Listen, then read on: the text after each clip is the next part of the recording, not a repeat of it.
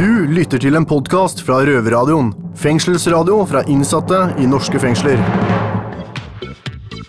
Du hører på Røverradioen. Og vi sender fra norske fengsler. Kriminell. God Radio. Ja. Lyden du akkurat hørte, ga deg signalet om at det igjen er klart for at Norges mest pratsomme røvere skal kose med ørehåra dine. Og for aller første gang er det vi, The Ladies fra Bredtvet, som får lov til å ønske velkommen. Og i dag skal vi ha besøk av hun som sjefer over alle norske fengsler, nemlig direktøren i KDI, Marianne Vollan. Og vi skal bl.a. høre hva hun har å si om at så mange innsatte blir slengt ut av fedrelandet og ned til Nederland for soning. Og så skal de beste svindlerne i redaksjonen forklare deg hvorfor det er greit å svindle noen, men ikke andre, og ikke få noen ideer nå. Og ikke minst får vi vite hvorfor vår røver Chris er så opptatt av hva folk har på beina. Røverradioen. Du hører på Røverradioen, og i dag har vi fått besøk av sjefen over alle sjefer i norske fengsler, nemlig direktøren i Kriminalomsorgsdirektoratet, Marianne Vollan. Hei. Hei, tusen takk for at jeg får komme. Jo, vær så god, bare hyggelig. Det er veldig bra å ha deg her. Eh, Vi trengte det. Eh, først, hva er Kriminalomsorgsdirektoratet, eller KDI, som det forkorter som? Ja, veldig greit å ha en forkortelse, for det er et veldig langt Ja. eh, navn på det direktoratet. Ja. Vi er øverste ledelse av kriminalomsorgen. Um, Da er det sånn at vi holder til på Lillestrøm. Vi er om lag 90 medarbeidere. Og så er det sånn at vi har et ett nivå under som heter region. Og da har vi f.eks. region øst, da, som er den som Bredtvet hører inn under. Ja. For under regionene igjen så kommer alle fengslene, alle friomsorgskontorene, ND-senteret, altså sånn narkotikaprogram, og ja, overgangsboliger. Så vi har jo mer enn fengsler, men jeg skjønner jo at dere kanskje er mest opptatt av fengsler siden vi er på Bredtvet nå. Så bra, så bra. Har du noen gang blitt påvirka eh, av en innsatt når du har møtt en innsatt i fengselet? Har det liksom påvirka dagen din? Altså, Det- Har du blitt lei deg, eller Jeg syns det er så fint å møte innsatte. Jeg liker veldig godt når jeg er rundt på besøk og snakker med innsatte. Snakker med de som faktisk eh, sitter der og gjennomfører den straffen vi har eh, ansvaret for. Så det syns jeg eh, alltid gir meg noe. Og det er mange sterke historier. Og det er også mange gode innspill. Så det setter jeg stor pris på. mm, Det er viktig å møte virkeligheten. Ehm, du har sikkert besøkt de fleste av Norges fengsler. Har du en favoritt? Det er lov å si oss, altså. Ja, det er jo veldig fristende å si eh, Bredtvet i og med at jeg står her. Og hadde jeg stått et annet sted, så hadde jeg sagt det. Sagt det.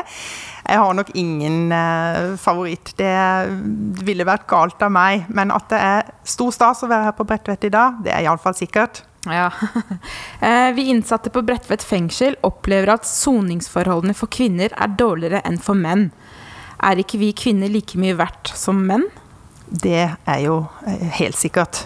Og det er det du peker på der, det er noe som en del andre også har vært opptatt av, og det har vi vært opptatt av. Vi har eh, hatt også en, en eh, arbeidsgruppe som har sett litt nærmere på det, og kommet med forslag til litt tiltak. Den arbeidsgruppa ble leda av kanskje en du vet hvem er, Hilde Lundeby, Ja. som var, vel var her for ikke så veldig lenge siden. Og der er det masse forslag, og så har vi hatt en sånn runde der det har vært um, på høring, sånn at det kommer litt synspunkter på de forslagene. Så har vi hatt noen arbeidssamlinger, så nå venter jeg veldig spent på at det skal komme noen forslag videre basert på det arbeidet som er gjort. Så bra. For det er veldig viktig uh, å ha med seg at um, kanskje er det sånn at kriminalomsorgen i for stor grad har vært eh, lagt til rette for eh, det store flertallet, i og med at kvinnelige eh, innsatte er en eh, minoritet i kriminalomsorgen. Så kan det være god grunn til å se på hvordan kan vi enda bedre tilrettelegge for kvinnelige innsatte. Så bra, det høres perfekt ut. Du har vært en av pådriverne for å sende norske innsatte til soning i Nederland. En ordning som har blitt mye kritisert i media. Hvordan syns du det har gått? Vet du, jeg er så stolt. Akkurat i dag så er det faktisk eh, fullt eh, i Nederland. Oi. Eh, så det er jeg veldig stolt over at vi har klart å få til. Hele bakgrunnen for dette, det er jo viktig å få frem, er at vi har for få plasser i Norge. Og det tar lang tid å bygge. Så når denne muligheten kom opp, og vi forsikra oss om at det var bra kvalitet, og at straffegjennomføring der skal skje etter norske regler, så, eh, så, er jeg glad for å se, og det er jo også de foreløpige tilbakemeldingene fra de innsatte selv, at det faktisk er veldig bra der. Så er jo ikke det en varig løsning. Så dette skal vare i utgangspunktet i tre år. Så kan det forlenges, men ikke utover fem år. I mellomtida da håper jeg det blir bygd masse gode fengselsplasser her i Norge. For det er jo her vi skal ha plassene på sikt. Nemlig. Så bra, så bra. Eh, Oslo fengsel, avdeling A, skal jo legges ned. Men de, de, de pengene dere bruker for å sende de eh, innsatte til, Oslo, nei, til Nederland, er det ikke bedre å bruke de til å pusse opp her i, altså på Oslo fengsel? Det som er at det tar så mye lengre tid, og vi trenger de eh, plassene nå. Soningskø er bedre enn å stappe fengsler altfor fulle, men soningskø er heller ikke så bra. Det er ikke bra for den, innsatte, for den domfelte som da må stå og vente og ha livet sitt på vent. Det er ikke bra for uh, ofrene. Det er ikke bra for samfunnet ellers. Det er å foretrekke at reaksjonen kommer raskt etter. Uh, så raskt som mulig etter det straffbare forholdet. Så det er maktpåliggende for meg å få bukt med den soningskøen. Så, men på sikt Plassene må være i Norge. Dette er en podkast fra Røverradioen. Du hører på Røverradioen fra Bredtvet kvinnefengsel. Og vi har besøk av Marianne Vollan, direktør i Kriminalomsorgsdirektoratet. Du Marianne, det er ofte folk som jobber i fengsler i andre land, som kommer og titter på oss her på Bredtvet. Og derfor lurer vi på hva som er grunnen til at det kommer så mange fra utlandet på befaring i norske fengsler? Det er helt riktig det, at Norge er populære i eh, utlandet. Jeg merker også det når jeg er på reiser ute. Da er det mm. stor interesse for hva norsk kriminalomsorg er. Og jeg tror eh, en hovedgrunn er det vi kaller menneskesynet. Hvordan vi eh, ser på de innsatte i norsk kriminalomsorg. At vi tenker på innsatte som borgere som har like rettigheter som de som ikke er innsatt i fengsel. Det handler om hvordan vi mener at en fengselshverdag helst skal være. At den skal være så normal som mulig. Den skal ligne så mye som mulig på livet utenfor murene. Så er det kanskje en annen stor forskjell eh, også fra en del andre land, og det er at vi har eh, god utdanning av fengselsbetjenter. Mm, mm, um, ja. Så man må gå ganske lenge på KRUS, altså Kriminalomsorgens utdanningssenter, to år. Um, det tror jeg også er noe som andre land er interessert i.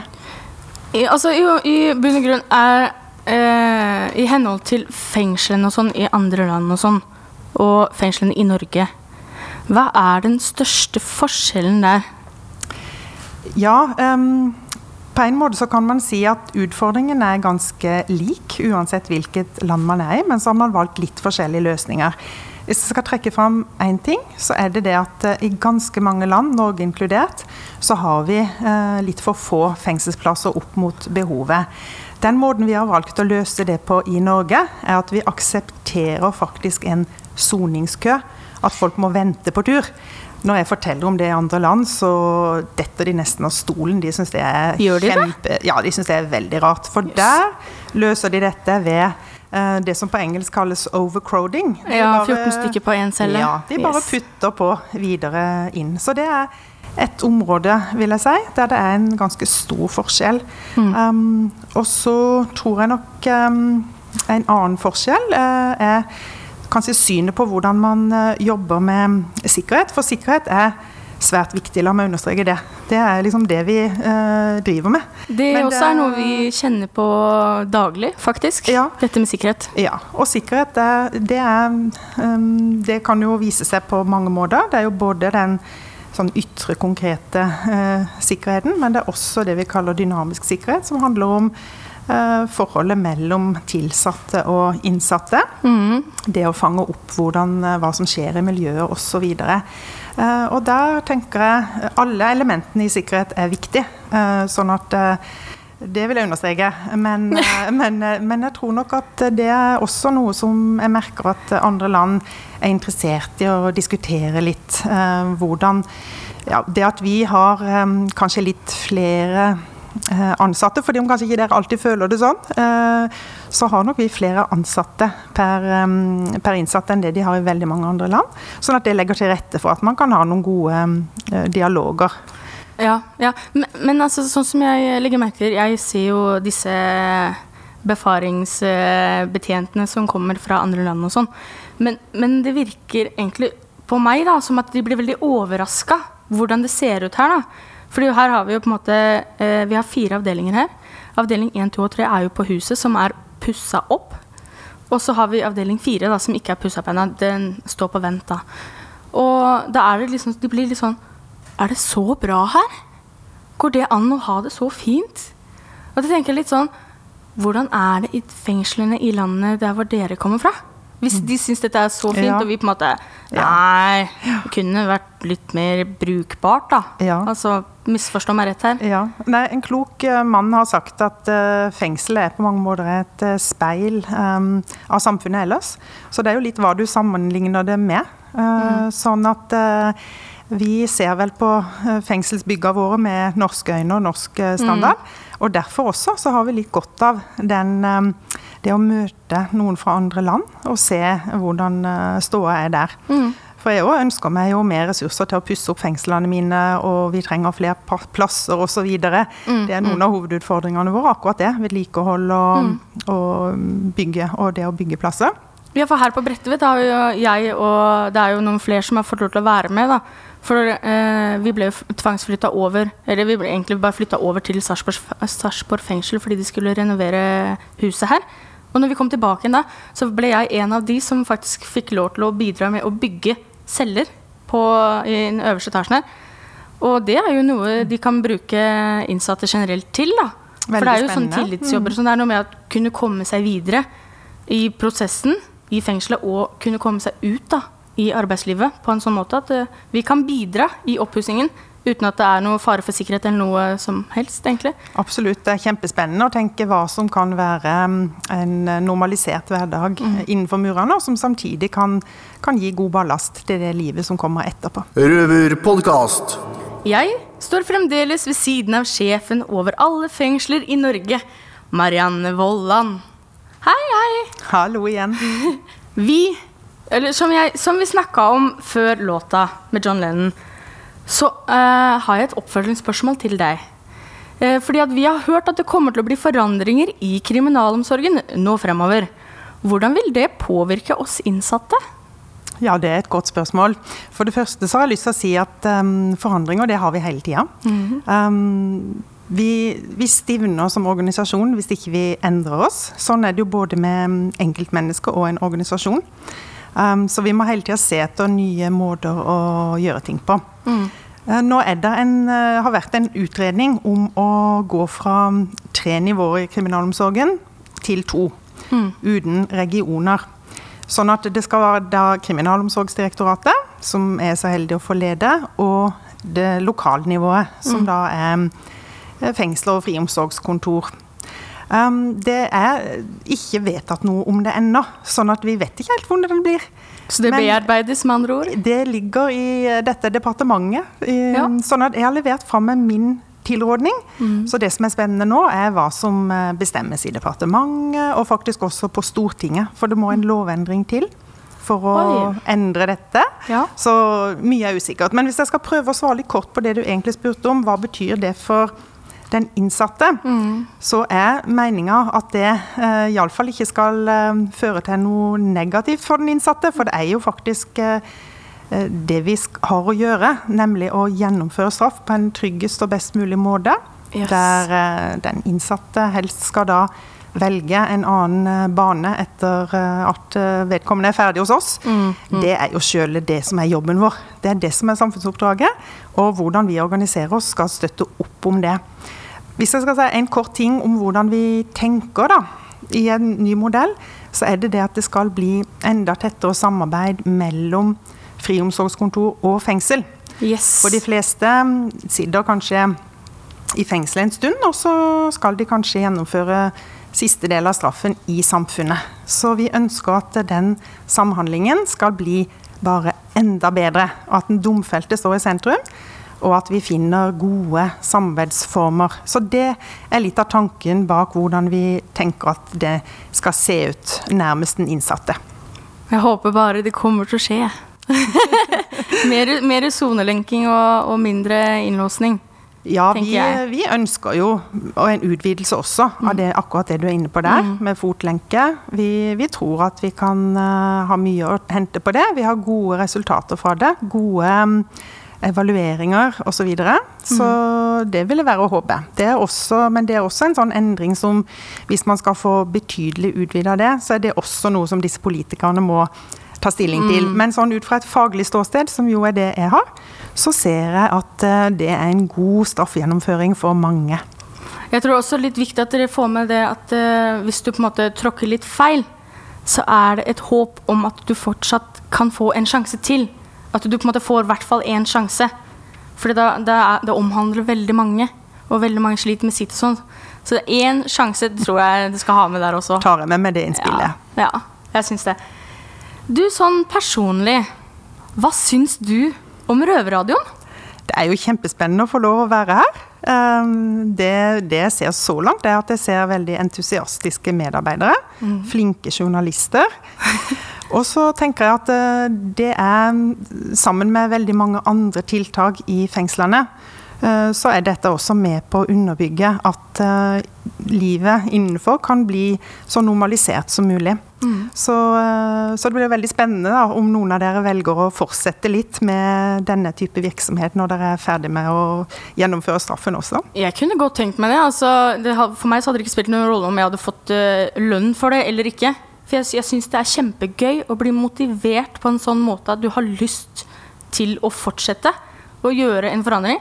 Åh, det syns jeg er så deilig. Og det er jo viktig i seg sjøl, at man faktisk har um, et lystbetont eh, At man driver med det, ting som er lystbetont. Yes. Det er veldig bra. Og så når det jo ut til, til mange, og du gleder jo helt sikkert veldig mange gjennom den jobben du gjør. Jeg syns det er kjempegøy. Det er kjempegøy. Men jeg også lurer litt på om, eh, om Er det noe du har lyst til å si til de innsatte i fengslene?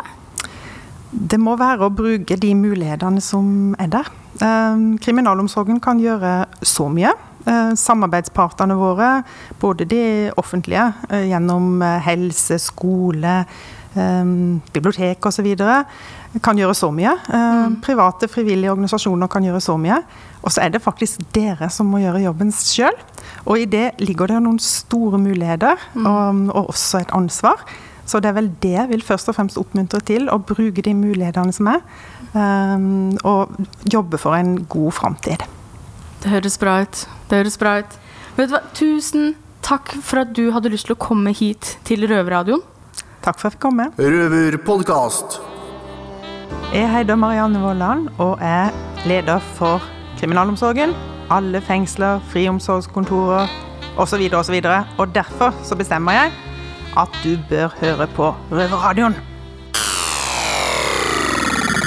Radio Røverhuset, fuckers. Hold dem unna alt som har med politikk å gjøre. Det fører bare til ulykker.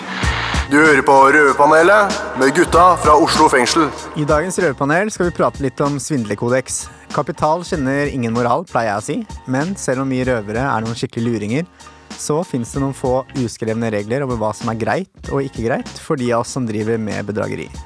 Jeg Daniel, har med meg to erfarne svindlere her i studio, nemlig Chris og Simen. SOS Rasisme og lederne deres står nå tiltalt for å ha jukset med medlemstallene deres for å få utbetalt mer penger enn de egentlig har krav på. Er det her greit? Absolutt ikke. Det er jo skattepenga nesten våre, holdt jeg på å si. Men det er i hvert fall skattebetalerne sine penger de får for dette her, og de burde absolutt ikke gjøre det. Man mister tilliten til veldedighetsorganisasjoner. Ja, I dette tilfellet så er det jo holdt på å si, staten de snyter, Ja. og det må jo være greit. Det er Staten våre penger, da. cash. Staten er jo alle. Ja, men du har ikke betalt noe skatt, Daniel, så du har egentlig ikke så mye å snakke om Nei, men har du det? Nei, men altså, jeg- det er derfor jeg sier at vi har ikke rett til å si at de bare kan ta penger fra staten her. Nei? Ok. Men å si, alt svindel handler jo om at uh, du trenger de pengene mer enn de folka som har dem, uh, gjør. Ja. Jeg, jeg har mine behov for uh, store mengder narkotika og holdt på å si damer som er dyre i drift og alle sånne ting. Og jeg er utenlandsk, så jeg tenker det er jo Er det ikke meg du skal hjelpe? Men eh, jeg opplevde en gang hvor jeg svindla meg sjøl, og det var ikke noe gøy etterpå da. Altså, jeg brukte visakortet mitt og prøvde etterpå å si at eh, det ikke var jeg som hadde brukt det på masse kjøpekontoer og tull overalt. Og det helvete jeg hadde da med å drive og sende brev og styre årene, til slutt så bare ga jeg faen og betalte alle regningene. Ja, det er faktisk sant. Ja, men jeg holdt på å si, hadde du ikke gitt faen, så hadde du fått erstatning. Ja, det, jeg bare syns det ble for mye. Men finnes det noen personer det ikke er greit å svindle av? Eller hva er det som ikke er greit når det kommer til svindel og bedrageri? Å svindle de man svindle kan. Ja. Det er, som sagt, jeg trenger de pengene mer enn dem. Mm. Så det er ikke så nøye hvem det er. Det høres ut som en sånn her som voldtar og plyndrer hvis det hadde vært i krise. Ja, I nøden, vet du. ja, jeg vet ikke. Jeg, man må se an hvem man svindler, og ta litt hensyn, syns jeg. Ja. Hvem gjelder det her spesifikt? Er det noen spesielle grupper i samfunnet som du tenker på? Ja, for eksempel, det passer seg ikke med å Du må alltid svindle noen som er ganske lik deg selv, i hvert fall i alder og Ja, Hvorfor det? Jo, for du, på et eller annet tidspunkt skal du inn i en bank og ta ut penger fra en konto. Ja. Så, men du har jo mange ulike former for svindel, da, og hvis du da opererer med bank-ID og sånne ting, så blir det jo noe helt annet. Så er det kanskje litt at man skal kanskje ikke sparke de som ligger nede fra før av? Eller er litt svake, eller sånn? Simen er ikke så opptatt av det, men jeg er det. Ja, men er det, er det greit å svindle en svindler, da? Man kan ikke svindle kolleger. Tenk, eh, Du har svindla selv, Daniel, og det er litt jobb for å få tak i disse midlene. Man må ha litt yrkesstolthet, Ja, ikke sant? Jeg vet ikke hva jeg skal si på det. Svindle en svindler. Det, hvis du klarer det, så slipp unna med det. Men Du som polakk, eh, hvis eh, nabopolakken tar din jordbærkurv, så blir jo det et For det første, jeg er ikke polakk, Simen. Ja, men uh, igjen, jeg driver ikke med jordbærkurver. Nei, men vi fortsetter sånn som Men som de sier, i nøden spiser fanden fluer. Og siden det som regel er bankene som får svi, så må vi kanskje si oss enig i at det er sikkert greit å svindle alle de personene vi nevnte her også. Ja, kjør på. Du lytter til en podkast fra Røverradioen. Fengselsradio fra innsatte i norske fengsler. Hva er det beste vi i Røverradioen vet, Chris? Jailmail. Yes, det er jailmail, og vi elsker når vi hører fra dere både på utsiden og på innsiden. Og hvordan er det man gjør det, Chris? Jo, man leverer en lapp til han hyggelige fyren i biblioteket, så får vi det opp hit. Det stemmer. Og hvis du er på utsiden, så kan du gå inn på Facebook-sidene våre, Røverhuset. Eller så kan dere gå inn på røverhuset.no og sende oss en mail der. En som har gjort det, det er en som heter Harald. Han har sonet mye, og han har laget et lydbrev til oss. Og det er et stev. Vet du hva et stev er, Chris? Jeg aner ikke. Nei, det er i hvert fall et stev om stuk, og det er jo noe vi alle kan kjenne oss igjen i. Så kan vi høre litt på det. Eg stuka omkring fra krå til krå, eg vilse, men ellers framifrå. Svinsa jeg kring for om noen å sjå, så jeg slipper stuke aleine. Oppturet byrja så kjekt og så greit, til kve og så krog og gikk varm og heit. Goda på faen til kramkar eg er, sovalt stengd og eg aleine. Stuka omkring fra krå til krå, eg vilse, men ellers framifrå. Har noe sukker som noen kan få, hvis jeg slipper stuke aleine. Krossa ei kjei og freista og se hei, og vart sjøl redda to bannskap skreik for en fest der jeg klikka og kalla for for snut. Det likte dei ikke og kasta meg ut, heilt for meg sjøl. Da ut av innsjå Kjømeit stukande kjei fra krå til krå, ei vilse, men ellers framifrå, svinsa i kring og hverandre for sjå. Nå slepp me å stuke aleine, sann. Ja, Hva syns du om det, Chris? Ble du inspirert? Ja, skikkelig. Ja. Nå hørte jeg at du skal steve, Daniel. Skal jeg så få høre steve? Ok, Hva skal jeg steve om? da? Da må du gi meg noe, uh, gi meg noe greier. Jeg vet ikke. Hva du kan steve om noe kriminelt du har gjort, et visakort du har lånt, eller et eller annet. Å, han Daniel han gikk til da gamle mor og tok bort avisakort. Da faen. Kom igjen, da! Det var Og når han tok det visakort, eh, tok han det med i banken. Og banken så sa dem her skal du få, alle penga fikk bein å gå. ok, nå gir vi oss. Nydelig, Daniel. Ja, men eh, jeg tror du har et annet eh, røverbrev. Jeg har, jeg har Ja. fått noe fra Robin. Vi har fått en jailmail fra vår kjære medinnsatt Robin, som ble sendt vekk fra oss. Han skriver som følger. Til Røverradioen, halla gutta og Mina. Ville bare si takk for at dere lager bra radio. Digger å høre på dere. Mye lættis, men også seriøse innslag. God musikk og god stemning. Og Chris, ha-ha. Else ble passe stressa da. Fett å høre at samene våre har blitt løslatt. Hils og si masse lykke til hvis dere prater med han. Jeg drakk meg god og tipsy på antibac, totalknuste cella mi, røyk en scene i hånda, ble sendt til sykehus og ble operert. La meg si så mye som at jeg fikk med meg hele tolv timer i himmelsk morfinrus. Stort smiley. Jackpot for Robin. Nå er jeg stuck i andreavdeling på B-blokka, omringet av en haug med skitne rumenere, så vær litt greie og spill D12 under the influence for meg, ja. Keep your head up og keep up the good work. Godt nyttår, gutta. See you on the other side. Med vennlig hilsen Robin Roundkick. Det var koselig. Veldig koselig, Robin. Vi har hilser deg masse og skal si til deg fra Simen That's my boy. Røverradioen. En sak som har vært mye i media det siste, har vært om pågripelsen av El Chapo i Mexico. Han kartellbossen, eller hva faen vi skal kalle han. Han rakk i hvert fall sende oss en hilsen inn her i Røverradioen før han ble arrestert, så det er vi veldig takknemlige for. Hola, soy Joaquín El Chapo Guzman. Me gusta mucho el Røver Radio, la única programa de radio de mis colegas criminales en Noruega. Vaya con Dios, muchachos.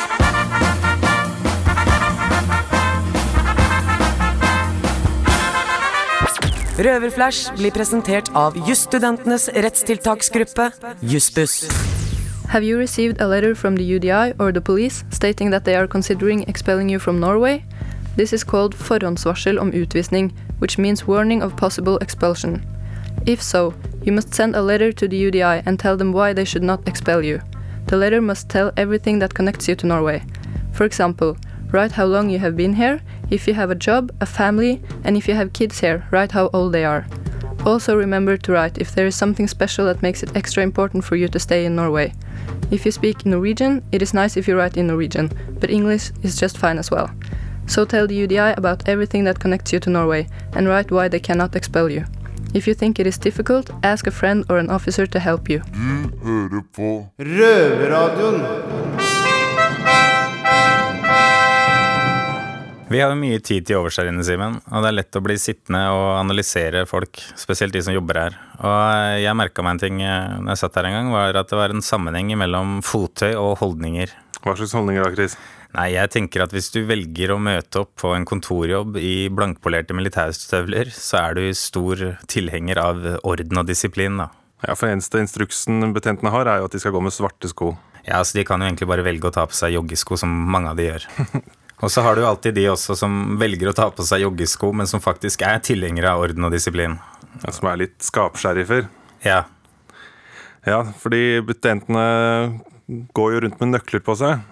Og vi sitter jo inne på cellene, og vi må ha dørene åpne når vi er flere på cella. Og da snakker vi ikke alltid om ting som er i gåseøyne lov å snakke om. Men det er noen betjenter som tar på seg ninja-joggeskoene og har eh, nøklene, holder eh, nøklene i hånda. Og sniker seg innpå det. Han sniker seg og står og lytter, rett og slett. Det er ikke noe ålreit. Det er ikke noe ålreit i det hele tatt. Heldigvis ja. så er det ikke alle som gjør det. Nei, de fleste betjentene er jo tross alt ganske ålreite. Har litt runde i kantene og tar ting med et smil. Så mitt tips til alle som sitter inne, er hvis du får en kontaktbetjent som møter deg med blankpolerte boots, vær ekstra høflig og korrekt. Jeg hører på Røverradioen. Det bør du også gjøre. Hvis ikke klikker det for meg.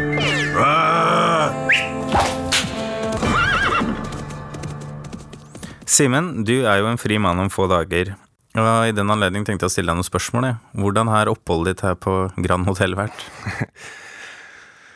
Jo, det har jo vært eh, litt eh, opp og ned. Eh, jeg sitter jo for første gang. Eh, og det er jo vanskelig i begynnelsen spesielt. Eh, så har det jo gått litt greiere etter hvert. Spesielt etter du kom, da. Det er hyggelig. Ja. Vi kjenner jo hverandre fra før, og det at det kommer noen som man faktisk kan stole på inn her, det er verdt en del.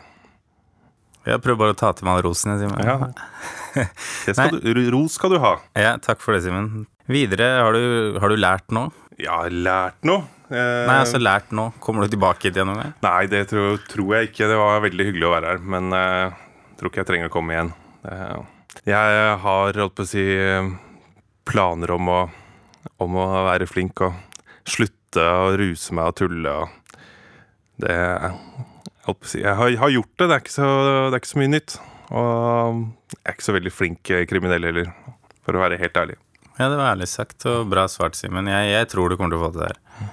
Det er uh, helt klart at jeg merker at du er motivert nå. Det går rette veien. Ja, så Hva- har jo jeg holdt på å si, motsetning til veldig mange som sitter her, veldig gode forutsetninger for å, for å lykkes. Jeg har uh, jobb som står klar til meg, en uh, spennende jobb. Og så har jeg masse rusfritt nettverk, og det er jo alfa og omega hvis man skal hvis man skal klare seg. Rusfritt og krimfritt. Ikke sant. Det um, Planer ja. for framtida, Simen? Du var litt inne på det, men Ja, når jeg skal begynne å jobbe, jeg skal selge noe annet enn eh, narkotika for en gangs skyld. Så det Det skal bli bra. Ja, Simen, til ære for deg. Og jeg veit hva du trenger sårt når du kommer ut der. Det er en kjæreste. Ja. så jeg har tatt for meg oppgaven å lage en kontaktannonse for deg. Du har det? Så hyggelig, da. Ja, ja. Så hvis jeg bare kan lese denne, da. Den er som følger. Kosebamse på 30 søker likesinnet binde til sykkelturer, TP-kvelder, lange romantiske gåturer langs Akerselva. Jeg er en oppegående ung mann med en dyp mandig røst og søker nettopp deg, formfulle, vakre kvinne. Så ta pennen fatt og skriv til oss i Røverradioen. PS. Jeg briljerer i TP. Billmerk Kosebamsen. Å, jeg har ikke tenkt å være sånn eh, 107 kilos kosebamse så veldig lenge, men eh, det er hyggelig at du sier det Du bærer det godt, Simen. Lykke til. Takk. Da sender jeg deg av gårde på ferden med Tenacious D og Dude I Totally Miss You. Hei, dette er Lilly Bendris, og du hører på Røverradioen. Verdens beste radioprogram. Og det tilsier at du bare må fortsette å høre på den. Helt topp. Topp ti. Hei. Røverradioen for de kriminelle røverne.